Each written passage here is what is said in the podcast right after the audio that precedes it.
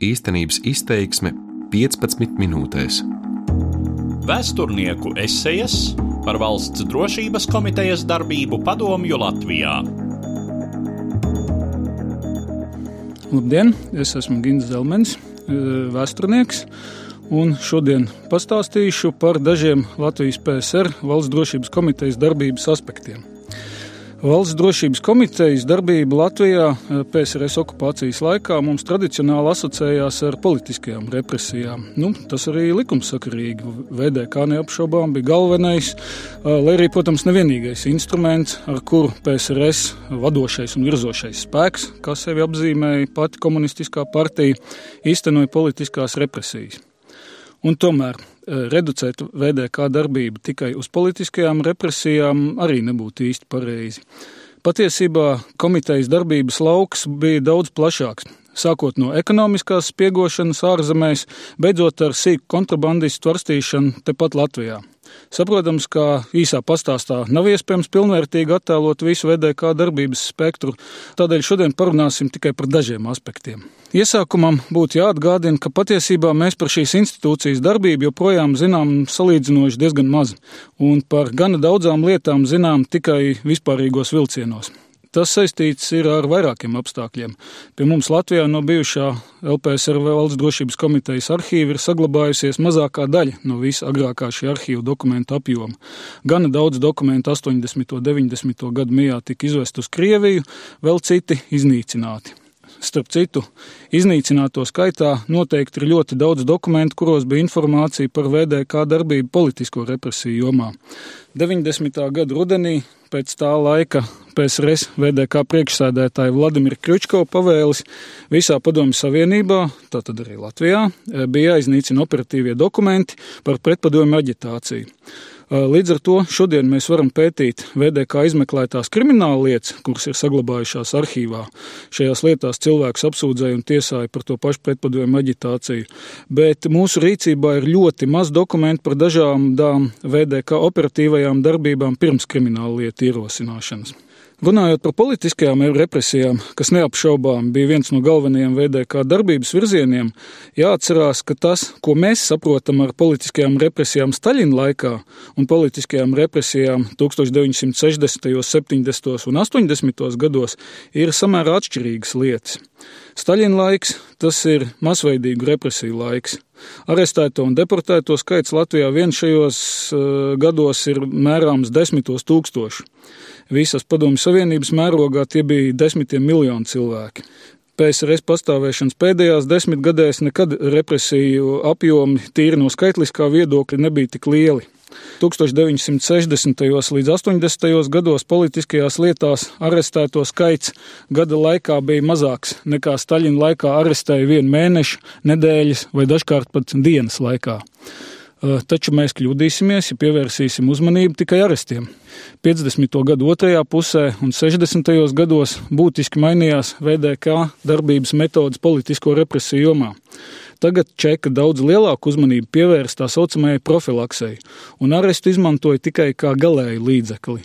Ja nomaldījušos pēdiņās, protams, nomaldījušos padomu pilsoni ar profilaktisko metožu palīdzību nebija izdevies pāraudzināt un atgriezt varēja paklausīgo cilvēku ierindā. Kas tad bija šī profilakse? Lietojot pašu čekistu terminoloģiju, profilaksei vajadzēja, citēju, izrādīt audzinošu ietekmi uz politiski un morāli nenoturīgiem pilsoņiem, kuri var veikt valsts noziegumus vai politiski kaitīgus pārkāpumus un citas darbības, kas skar PSRS valsts drošības intereses. Turklāt profilakses uzdevums bija apsteigt noziedzīgu nodomu rašanos. Tātad teorētiski noformulētais profilakses mērķis bija potenciālā pārkāpēja pāraudzināšana, pirms viņš vēl paspēja kaut ko izdarīt.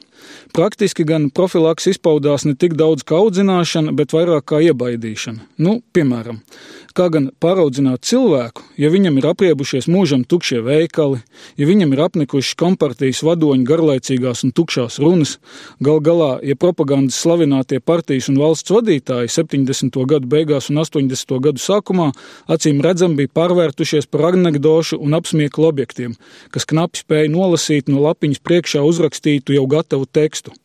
Pierādīt, ka viss ir tieši otrādi, nu, tas bija praktiski neiespējami. Mūžam tukšos veikalus redzēja katrs PSRS iedzīvotājs, vispārējo tieši tāpatās. Līdz ar to neizbēgam par vienīgo reāli iedarbīgo līdzekli, kas varēja piespiest profilaktējamo turēt muti par visām padomu dzīves negācijām, bija iebaidīšana. Cilvēkam uzskatām liks saprast, ka par viņu viss ir zināms. Reizēm pat citēja viņa paša izteikumu šaurā draugu lokā, tā liekot saprast, ka draugi patiesībā sadarbojās ar stūrmāju. Profilakses laikā varēja arī pabaidīt ar nepatikšanām darbā vai izslēgšanu no augstskolas un tam līdzīgi. Instrumentārijas bija gana plašs. Īsi sakot, profilaktējumiem cilvēkiem ieteica nevārīt ziepes un nenodarboties ar to, ko nevajag. Starp citu, eh, profilaktiskos pasākumus nevienmēr veids VDK darbinieks. Pastāvēja arī tā saucamā slēptā profilakses metode. Tas ir, kad profilaktiskos pasākumus veica nevis VDK darbinieks, bet gan kāds VDK aģents, kurš attiecīgiem cilvēkam sniedz nu, vienkārši draudzīgus padomus. Citā gadījumā ķerties pie cilvēku pāraudzināšanas varēja arī darba kolektīvs. Tolaik tā bija visai iecienīta metode dažādas darbinieku pārkāpumus vai pat tikai privātās dzīves jautājumus apspriest darba kolektīvu sanāksmēs. Protams, ne visas šādas darba kolektīvu apspriedes organizēja valsts drošības komiteja. Taču bija arī tādi gadījumi, un cilvēks pat varēja nezināt, ka šī apspriešana notiek pēc attiecīgo orgānu priekšlikuma. 1972. un 73. gadā parādījās jauns, kā raksta daži memoāristi pēc paša tā laika VDK priekšsēdētāja Jurija Andropova priekšlikuma ieviests profilakses veids - brīdināšana. Tā bija zināmā mērā puslegāla procedūra, kuras ietvaros cilvēkam tika izteikts rakstisks brīdinājums par to, ka viņa rīcība ir antisabiedriska un tā var kaitēt PSRS valsts drošības interesēm. Kādēļ šī procedūra bija puslegāla? Lieta tāda, ka 1972. gada decembrī PSRS augstākās padomas prezidijas izdeva dekrētu, ar kuru deva tiesības valsts drošības orgāniem profilakses nolūkos izteikt pilsoņiem brīdinājumu par darbībām, kas nepārkāp likumus, taču pēc VDK domām var apdraudēt PSRS valsts drošības intereses. Savukārt 73. gada martā Valsts drošības komiteja izdeva slepenu pavēli, kurā reglamentēja šāda brīdinājuma izteikšanas procedūru. Interesanti, ka iepriekš minētais PSRS augstākās padomas prezidija dekrēts tolaik nekur netika publicēts, bet VDK pavēle vispār bija slepeni. Līdz ar to faktiski no juridiskā viedokļa izveidojās visai absurda situācija. PSRS pilsonim bija jāievēro dekrēts un instrukcija, par kuru eksistenci viņam nebija praktiski nekādu iespēju uzzināt. Paši brīdinātie par šādu dekrēta eksistenci parasti uzzināja jau nokļūstot valsts drošības komitejā, kad viņiem uz šā dekrēta pamata kāds čekists izteica brīdinājumu. Turklāt, pat tad, kad brīdinājums bija izteikts, nabaga pilsonis beidzot uzzināja, ka viņš radīs draudz PSRS valsts drošības interesēm, nekādi dokumenti, kas apliecinātu šā dekrēta eksistenci vai brīdinājumu izteikšanas faktu, viņam izsniegti netika.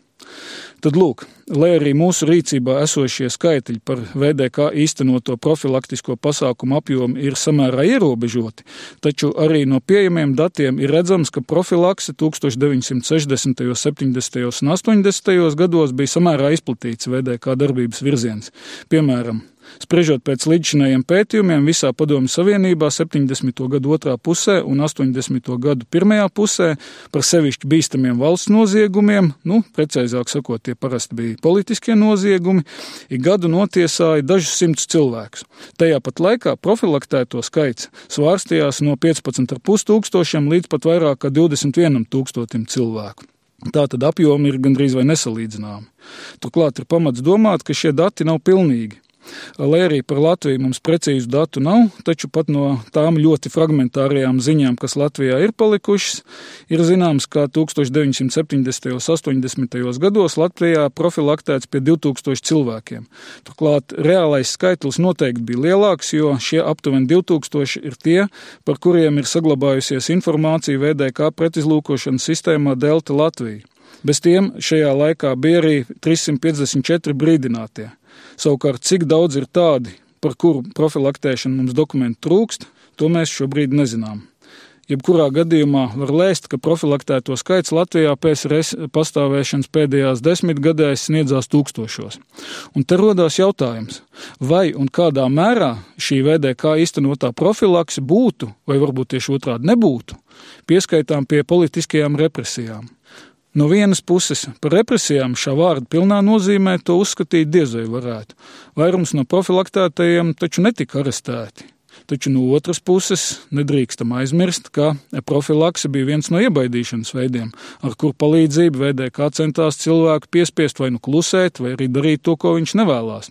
Turklāt vairumā gadījumā mēs nezinām, cik cilvēkiem pēc šādas veidē kā īstenots profilakses sākās kādas problēmas darba vietā, cik zaudēja iespējas iegūt augstāko izglītību, jo viņus gluži vienkārši atteicās uzņemt augstskolā, un kādas vēl problēmas viņiem radās. Vai to var uzskatīt par politisko represiju sastāvdaļu?